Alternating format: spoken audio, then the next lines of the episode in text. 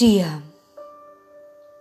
Buah karya Purwati dalam antologi Kelopak Senja di Ujung Lentera.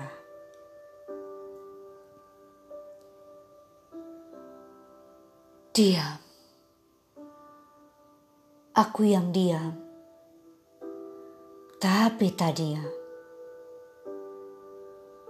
Ku mau tak diam. Tapi diam. Diamku, ceritaku. Diamku bercerita tanpa cerita.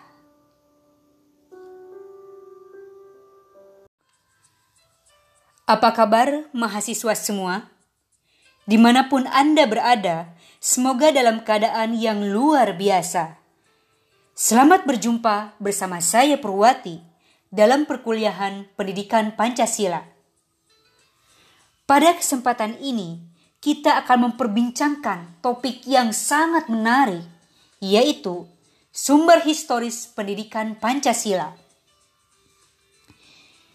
Saudara semua, Bung Karno pernah mengatakan, "Jas merah, jangan sekali-kali melupakan sejarah."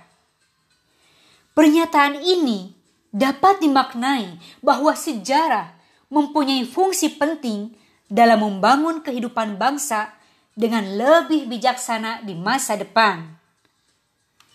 Hal tersebut sejalan dengan ungkapan seorang filsuf Yunani yaitu Historia Vitae Magistra. Sejarah memberikan kearifan. Sejarah merupakan guru kehidupan. Implikasinya, pengayaan materi perkuliahan pendidikan Pancasila melalui pendekatan historis adalah amat penting dan tidak boleh dianggap remeh guna mewujudkan kejayaan bangsa di kemudian hari. Melalui pendekatan ini, mahasiswa diharapkan dapat mengambil pelajaran atau hikmah dari berbagai peristiwa sejarah baik sejarah nasional maupun sejarah bangsa-bangsa lain.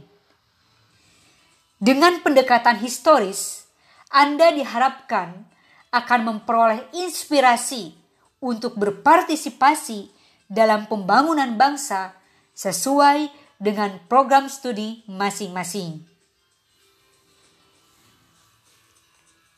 Pepatah pernah mengatakan, Janganlah seperti keledai yang jatuh di lubang yang sama.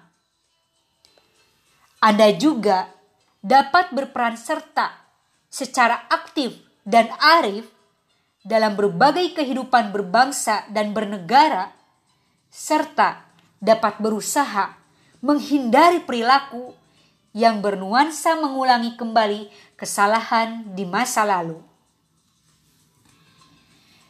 Dalam peristiwa sejarah nasional, banyak hikmah yang dapat dipetik. Misalnya, mengapa bangsa Indonesia sebelum masa pergerakan nasional selalu mengalami kekalahan dan kekalahan terus dari penjajah? Jawabannya, karena perjuangan pada masa itu masih bersifat kedaerahan, kurang adanya persatuan, mudah dipecah belah, kalah dalam penguasaan iptek dan kalah dalam bidang persenjataan. Hal ini berarti jika integrasi bangsa lemah, penguasaan iptek lemah, maka bangsa Indonesia dapat kembali terjajah atau setidak-tidaknya daya saing bangsa melemah. Implikasi dari pendekatan historis ini adalah meningkatkan motivasi kejuangan bangsa dan meningkatkan motivasi belajar Anda dalam menguasai iptek sesuai dengan prodi masing-masing. Baiklah mahasiswa semuanya, Sekian perkuliahan kita pada kesempatan ini dan salam serta sampai jumpa.